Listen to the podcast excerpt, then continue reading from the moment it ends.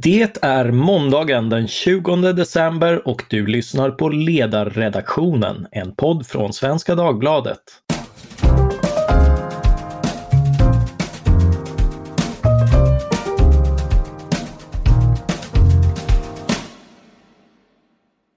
Jag heter Mattias Svensson och dagens ämne är reformer för 20-talet. Med mig för att diskutera detta har jag Linnea Dubois, juridikstuderande, skribent för tankesmedjan Timbros nättidning Smedjan och vice ordförande i Fria Moderata Studentförbundet, FMSF, som i den senare egenskapen redigerat antologin 20 reformer för 20-talet och därav är vår gäst välkommen. Tack så jättemycket. Titeln är väl rätt talande, men jag tänkte ändå inleda med att fråga varför FMSF ger ut den här boken. Vad är tanken? Ja, anledningen till att vi tog det här initiativet är helt enkelt att den partipolitiska debatten blir allt tröttare, skulle väl vi säga, och mer fokuserad på spel och tom retorik. Samtidigt som reformbehovet har varit stort eh, länge. Um, här kan vi väl säga att eftersom FMSF är ett partipolitiskt fristående studentförbund så ser väl vi ett ansvar att bidra till debatten ganska vitt och brett. Uh, och vi ser att vi skulle behöva en borgerlig regering efter valet. Ehm, och alla som var med på 90-talet och inför 2006 och så påpekar gärna um, konstant hur viktigt det var att man kom till regeringskansliet väl förberedda. Eh, så med det här projektet hoppas vi helt enkelt kunna bidra i det lilla till en, till en debatt som är mer policyorienterad, både generellt men också inom borgerligheten. Vi ser en borgerlighet som är ganska upptagen med att bråka med varandra nu, men det finns stora projekt som man borde kunna enas om. Eh, en idégemenskap kring att vi skulle behöva ett friare och mer dynamiskt samhälle. Det finns mycket man kan göra gemensamt för det, oavsett vilka partier som ingår i en potentiell regeringskonstellation och så. Och där ser vi att det kan fungera som en brygga. Um, så att i boken har vi bjudit in röster som vi tycker är intressanta från alla de gamla allianspartierna, en gammal sosse och även folk som inte har partipolitisk eller politisk bakgrund utan fungerar som debattörer i andra funktioner. Dels gamla rävar, dels yngre förmågor. Um, för att liksom tänka högt kring reformförslag som skulle kunna vara, vara relevanta och intressanta. Och det ska egentligen inte ses som ett valmanifest eller sådär från FMSFs sida utan snarare en, ett ihopplock av olika reformer där intressanta röster får tänka högt och se vad man skulle kunna göra redan, redan i den första regeringsförklaringen. Ja, eh, ni har ju fått ihop ett litet smörgåsbord eh, och jag tänkte att lyssnarna skulle få eh, lite smakprov. Om vi går in på några olika förslag så ska vi kanske börja med en av väljarnas tungviktsfrågor, brott och straff. Och då läser jag om kommunala poliser och inser till min förvåning att det är en företagsfråga. Ett kapitel skrivet av Katarina Kärkäinen, programansvarig på Timbro, ska vi kanske tillägga. Det blir en företagsfråga också kan man väl säga. För eh, det är, brott och straff och trygghetsfrågor är i grunden en samhällsfråga. Och som jag läser Katarina så är det verkligen inte bara en företagsfråga utan minst lika viktigt för den enskildas trygghet och civilsamhällets relation till en mer kontinuerligt närvarande poliskår som det hon trycker på ganska genomgående. För så, företag är människor, företag är arbetsgivare, det är service lokalt och liksom trygghet i i närmiljön. Och områden där, eh, där näringsidkare lämnar eller stänger en verksamheten för att den inte är lönsam och så blir snabbt alltså, dysfunktionella generellt. Så det är en fråga både för individer och företag. Ja, så, så, är det ju absolut. Jag tycker att det är en, eh, en viktig poäng som man eh, kanske inte tänker på just att Eh, miljöer blir ju tryggare när människor vågar röra sig i dem och en viktig anledning till att människor rör sig i offentliga miljöer är ju att det finns en, en affärsverksamhet. Man går och handlar, man, eh, man går och klipper sig, man, eh, man eh, går på eh, restaurangen och eh, umgås på så sätt med andra. Eh, och, och det är ju en del av, av den lokala Eh, tryggheten och eh, kanske skulle eh, underlättas om, om eh, kommuner fick, fick anställa poliser, vilket då är ett av eh, policyförslagen här. Eh, om, om vi går till en annan, eh, jag, jag, måste ju fråga, motsvarar det inte alla fördomar om räknenissar och teknokrater och lansera enhetlig moms som en kulturfråga? ja, alltså, så kan man kanske se det. Eh, det finns ju massor med olika goda argument för, för enhetlig moms. Eh, och caset som Adam Sveiman då gör att det skulle minska den statliga snedvridningen av kultursektorn om man slutar göra skillnad på opera och dansband. Liksom. Tycker, tyckte väl jag var lite uppfriskande. Så. Sen är väl kapitlet i ärlighetens namn egentligen en stridsskrift för men, ett bredare omtag av kulturpolitiken och alla offentliga stöds sätt att slå mot sektorn och så. Eh, men eh, enhetlig moms är väl ett så ganska snabbt första litet steg på den vägen. Så att, och i den mån räknenissarna kan få upp ögonen för kulturpolitik så vore väl det bara kul. Liksom. Ja, jo, jag, håll, jag håller ju med. Det var ju en eh, tillspetsad fråga. För jag, jag, tycker han har en god poäng i, som Ronald Reagan fick eh, formulera en gång i tiden om verksamhet. att Eh, om det rör på sig så beskattar vi det och om det inte rör på sig så måste vi subventionera det. Och, och det, det, den inställningen märks ju inte minst på kulturområdet. Och Adam har ju en god poäng i att eh, gamla gängse kulturformer har ju då fått 6% moms medan eh, nya tekniker och annat, till exempel eh, ljudböcker och annat eh, som tillkommit, de får ju då 25 moms och, och missgynnas eh, just enligt den här principen. Ja, men eh. precis. Alltså, um, det tänker man kanske inte alltid på om man inte verkligen är superinsatt i frågan enhetlig moms. Alltså, sänkt skatt är väl bra, liksom, men eh, selektivt sänkt skatt blir ett förtäckt bidrag. Eh, och vill man utforma systemet så att det i minsta möjliga grad styr hur olika aktörer agerar så är det väl bra, bra att inte särbehandla. Det är svårt att inte hålla med om. Eh, ditt eget kapitel behandlar också en kulturfråga, ett eh, renodlat public service. Eh, hur ska det renodlas? Ja, är det en kulturfråga? Eh, nej, men... Ja, jag tycker väl att medier eh, eh, och, och mycket av utbudet inom public service eh, berör kultur. Så jag skulle svara ja om frågan är till mig. ja, det där, där knyter vi an lite till hur jag skulle vilja renodla det. Eh, jag vill väl se ett smalare public service mer inriktat på samhällsinformation, krisinformation, Ehm, kvalificerad politisk journalistik. Eh, de, I den mån public service lyckas vara oberoende, vilket jag tycker att det gör, eh, så finns det skäl att fokusera på det, men kanske i mindre utsträckning ägna sig åt produktion av nyhets-tv på ett sätt som slår ut andra aktörer. Mindre av rewrites på SVTs hemsida som försvårar villkoren för den lokala tidningsjournalistiken ehm, och så. Att jag efterfrågar väl ett avsmalnat uppdrag mot den typen av samhällsviktiga funktioner, mindre eh, kulturproduktion och så. Mm.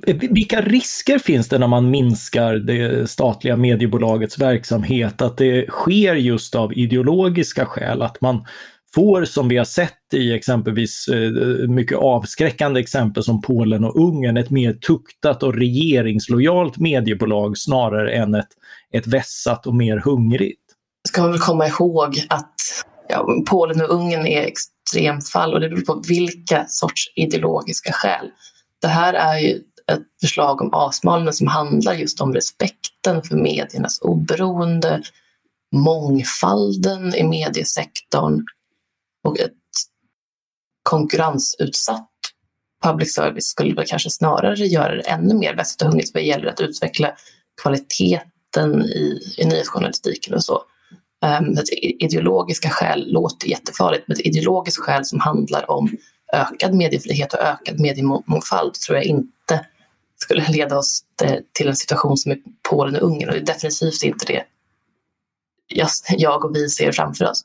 Mm, nej, jag, jag, förstår, men jag är samtidigt lite ambivalent själv. För å ena sidan förstår jag argumentet att låta public service stå för det tunga och tråkiga som ingen annan gör. Grävande journalistik, landsomfattande bevakning, teckentolkning och minoritetsspråk och, eh, och, och den typen av infrastruktur. Å andra sidan är det ofta på sådana områden man hittar hittar den tydligaste politiska vinklingen. Utbildningsradion har jag till exempel historiskt intrycket att de köpt in väldigt mycket vänsterdokumentärer. Då tänker jag att man kan lägga ner det och låta SVT göra typ tv-serier som Rederiet och proggiga barnprogram och Melodifestivalen och sånt där som de ändå är bra på. Eh, för, för, förstår du hur, eh, hur, hur jag tänker? Ja, delvis, men samtidigt så tycker jag att det här gör eh, men, lite enkelt för sig. I den mån det sker politisk vinkling i men, dokumentärprogram och sådär så finns ju granskningsnämnden och så vidare för att, för att kontrollera det. Och vad gäller tv-serier som funkar bra, då blir det frågan snarare hur, hur mycket är rimligt att vi finansierar med skattemedel som det trots allt är nu. Eh, jag, menar, jag tycker att På spåret och påkostade tv-serier som Vårtiden nu är jättetrevligt på samma sätt som du gillar Rederiet och tråkiga barnprogram. Men jag skulle kunna tänka mig att betala för det genom en privat licens istället. Mm, jag, jag, håller, jag håller helt med. Eh, om, om vi går till några andra områden. Eh, jag tycker det var välkommet med ett förslag som utökar valfriheten på skolområdet. Det är inte där direkt debatten på skolområdet är. Det är Claes Tickaren, operativchef på Nordic Capitals rådgivningsbolag som lanserar tanken på konkurrerande läroplaner. Hur skulle det gå till? Det är ett superspännande förslag. Jag hade aldrig tänkt på det så förut. Men Claes idé är helt enkelt att man bör så att säga, konkurrensutsätta Skolverket eh, genom att öppna upp för att skolor skulle få välja att istället använda eh, en annan läroplanen, den svenska. Som är, just för att det vore så mastodontprojektet påverka den ganska likriktande eh, och eh, återkommande kritiserande svenska skolplanen. Då skulle man istället få eh, välja istället på, på förhand granskade och godkända läroplaner från, från andra länder, exempelvis så, den franska, den tyska. Eh, IB-systemet finns redan idag. Man skulle kunna tänka sig liksom, finska skolor i Sverige och sådär eh, som alternativ för familjer som vill ha en annan sorts kunskapsfokus, en annan sorts pedagogik eller så vidare. Eh, då under förutsättningen att eh, som Claes skriver, att de är rimligt kompatibla med målsättningar för den svenska skolan. Ja, för det man tänker på är kanske, ja, ja, då kommer det någon, någon eh, religiös sekt eller eh, liknande och, och har liksom eh, Eh, L. Ron Hubbards eh, scientologi-idéer eller liknande. Och, och, så hänvisar han till, vi har en jättelång läroplan. Eh, och, och, eh, men, men det är alltså inte vad som föreslås? Nej, precis. Claes föreslår ju men just att men det fortsatt ska ligga på myndighetsnivå att granska vilka läroplaner som så godkänns som alternativ. Um, och, och, då får man ju fatta ett politiskt beslut kring hur man, hur man tänker sig att läroplanen med religiösa inslag borde ingå i det um, eller inte. Men tanken är inte så att um, jag skriver ihop min personliga läroplan och sen ska Skolverket sanktionera nej men, så. Utan det är ett, för, ett försiktigt steg mot liksom, en mångfald inom någon form av rimlig och beprövad ram. Mm, jo, den har ju den, den, goda poängen att få fram att eh, vägarna till, eh, till god utbildningar är många och inte bara en. Eh, även universiteten föreslås få mer profilerade alternativ. Eh, Mats Svegfors vill bryta likriktningen av den högre utbildningen. Eh, finns det inte en risk då att vi får ett A och ett B-lag? Vore det så himla farligt då? Ja, det är jag som frågar dig. Nej, men eh, där får man väl säga så att vi, men, det är inte bara det han föreslår. Och vi har ett A och B-lag redan idag i någon utsträckning och alla institutioner för högre utbildning kommer inte kunna vara ja, men Oxford eller Karolinska institutet eller Uppsala, om det på det sättet du menar A och B-lag. Um, särskilt inte i ett så litet land som Sverige där det är så väldigt många som vill läsa vidare. Um, men det tycker inte jag är konstigt. Och sen är det Mats framförallt förespråkar ehm, ökad mångfald så att man kan tänka sig mer ehm, näringslivsnära spetshögskolor för forskning. Man tänker sig breda bildningsuniversitet som kanske i hög utsträckning blir självständiga stiftelser. Ehm, och, då, och I takt med att man får, får mångfald och inte likriktar, då kommer olika projekt kanske vara olika för, eh, framgångsrika, lyckas locka kvalificerade lärare och forskare i olika utsträckning. Um, och vill man ha riktigt vass kvalitet um, så får man nog också leva med att alla institutioner inte håller samma toppkvalitet. Liksom. Det behöver inte vara mm. konstigt tycker jag. Nej, nej eh, vill, vill, vill vi ha eh, några universitet i toppkvalitet kan vi nog inse att det, det kan inte vara eh, lika överallt. Eh, vi har ju lärt oss det nu i eh, men, närtid att bara för att man etiketterar om en högskola till ett universitet så förändrar inte det innehållet. Liksom. Det, det, finns förslag om ökat inslag av företag i välfärd, bistånd och vägbyggen. Eh, och det, det, får mig att fundera över, blir de här hybriderna bra? Finns det inte en risk att de mjölkar systemen på skattepengar snarare än förbättrar prestationerna? Nu är ju företag inte ondska, så, eh, men med tydliga krav och måluppföljningsrutiner tror jag inte det skulle behöva bli problem. Det finns en hel del att vinna på liksom, ökade marknadsinslag, dynamik, kunskapsförmedling, initiativförmåga och så där. Men det är klart att man ska vara försiktig och uppmärksam så länge det rör sig om att omsätta skattepengar så att systemen inte missbrukas. Eh, sen vore det såklart bättre ju mindre skattepengar som behöver involveras. John Morell exempelvis som skriver om vägbyggen, han tänker eh, snarare än privata investeringar och sådär. Och inte bara ett privat förvaltande av våra gemensamma pengar.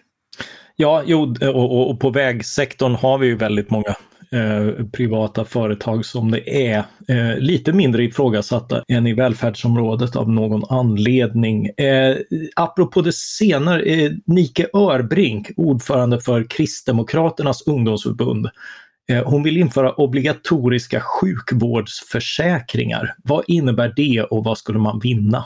Det innebär helt enkelt en övergång från ett skattefinansierat vårdsystem till ett eh, system efter nederländsk modell. Som alltså är, man, man jämför gärna hårt med USA, men det är snarare Nederländerna ni kan titta på.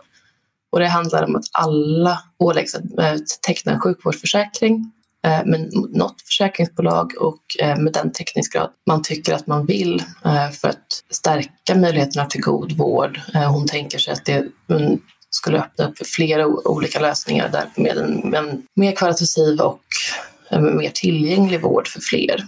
Ehm, sen kan man ju där välja att garantera minimilösningar exempelvis för personer med ett väldigt stort och kroniskt vårdbehov som man, kritiken ofta är att man då vilket försäkringsbolag skulle vilja försäkra det och sådär. Men det kan man lösa på olika sätt. Exempelvis genom att reglera vilken sorts villkor man för, nej, vilken sorts bakgrundskoll och sådär man får ställa upp.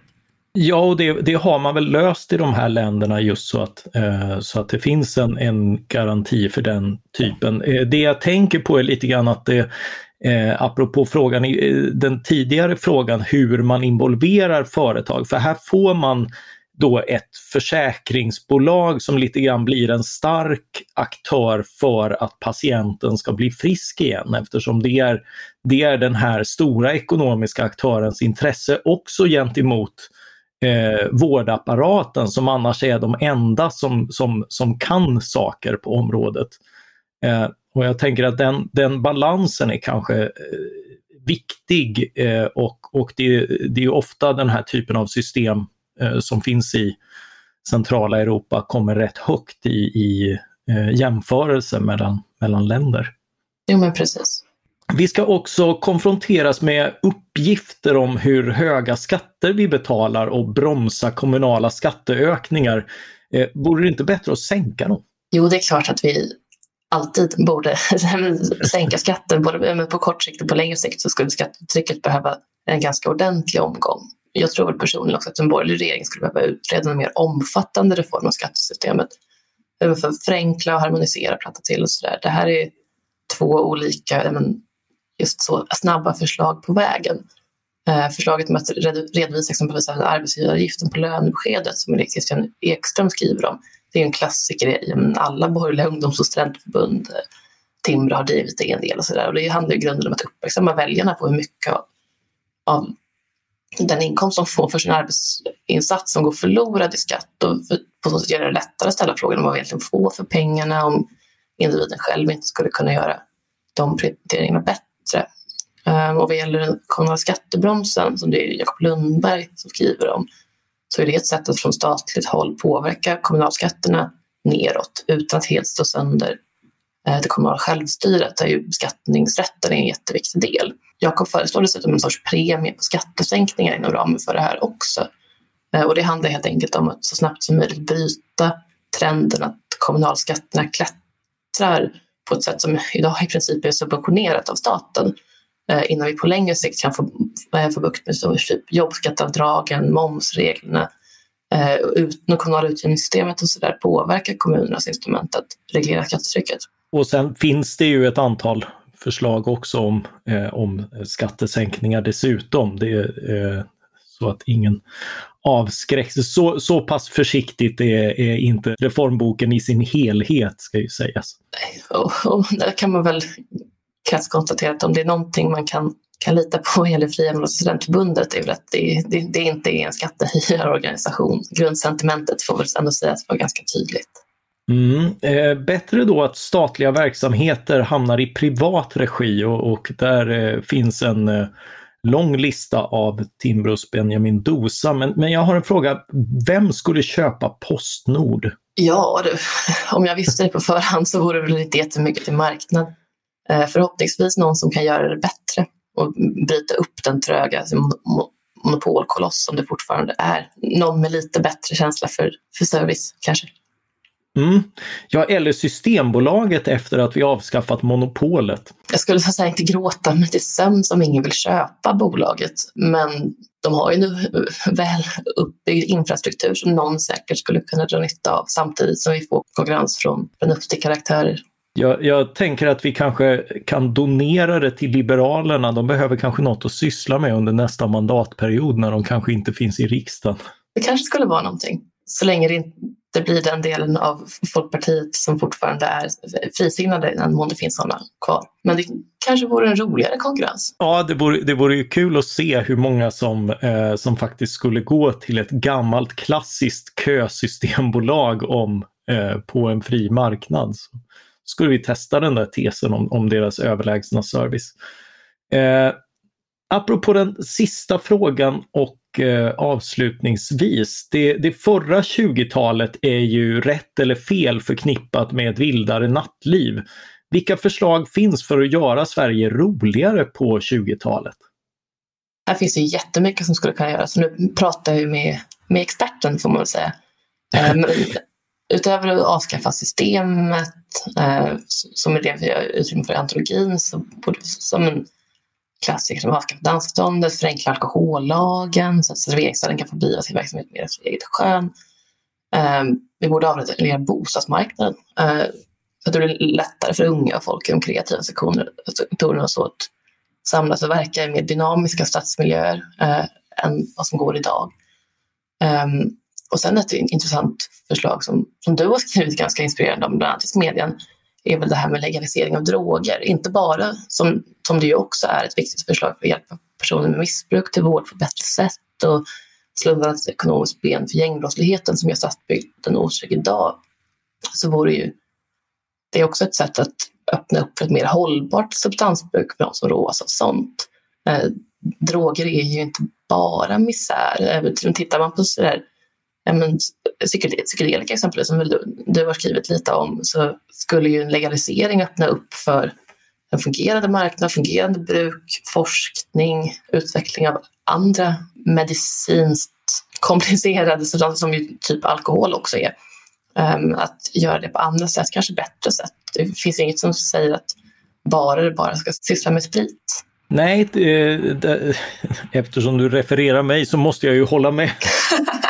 Och det är ju just det som, som skulle bli lite intressant, eh, vilka, vilka betalningsmodeller man skulle eh, utveckla. Vi, vi, har ju sett det med exempelvis ravekulturen där man, där man eh, under 90-talet kunde konstatera att, att det var mycket fredligare jämfört med de flesta nöjesetablissemang som är, som är baserade på alkoholkonsumtion.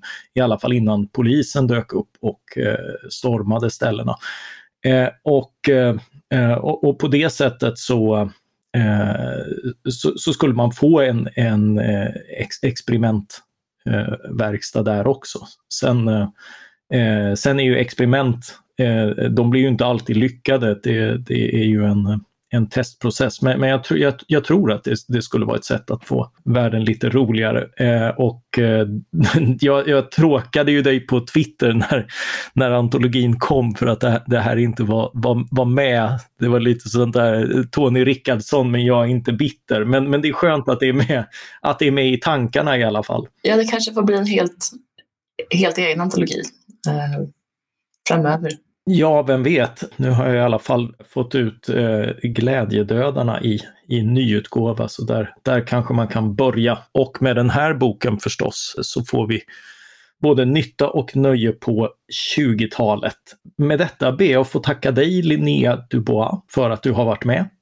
Tack själv, roligt att få vara med som redigerat antologin 20 reformer för 20-talet. Eh, tack också till alla er som har lyssnat på ledarredaktionen. Saknade ni några reformer på listan eller borde vi reformera vårt eget programformat för 20-talet? Maila i så fall till ledarsidan svd.se. Ledarsidan svd.se. Jag vill också passa på att tipsa om våra grannpoddar här på Svenska Dagbladet. Eh, dagens Story avhandlar dagligen ett aktuellt ämne på 15 minuter. Vi har också Politiken som varje onsdag ger en inblick i allt från maktens korridorer till Torbjörn Nilssons bibliotek. Och vem vet, den som väntar på något gott får kanske se dem skildra när några av de här 20 reformerna genomförs framöver. Producent för det här avsnittet var Jesper Sandström. Jag heter Mattias Svensson och jag hoppas att vi snart hörs igen. Tack för den här gången.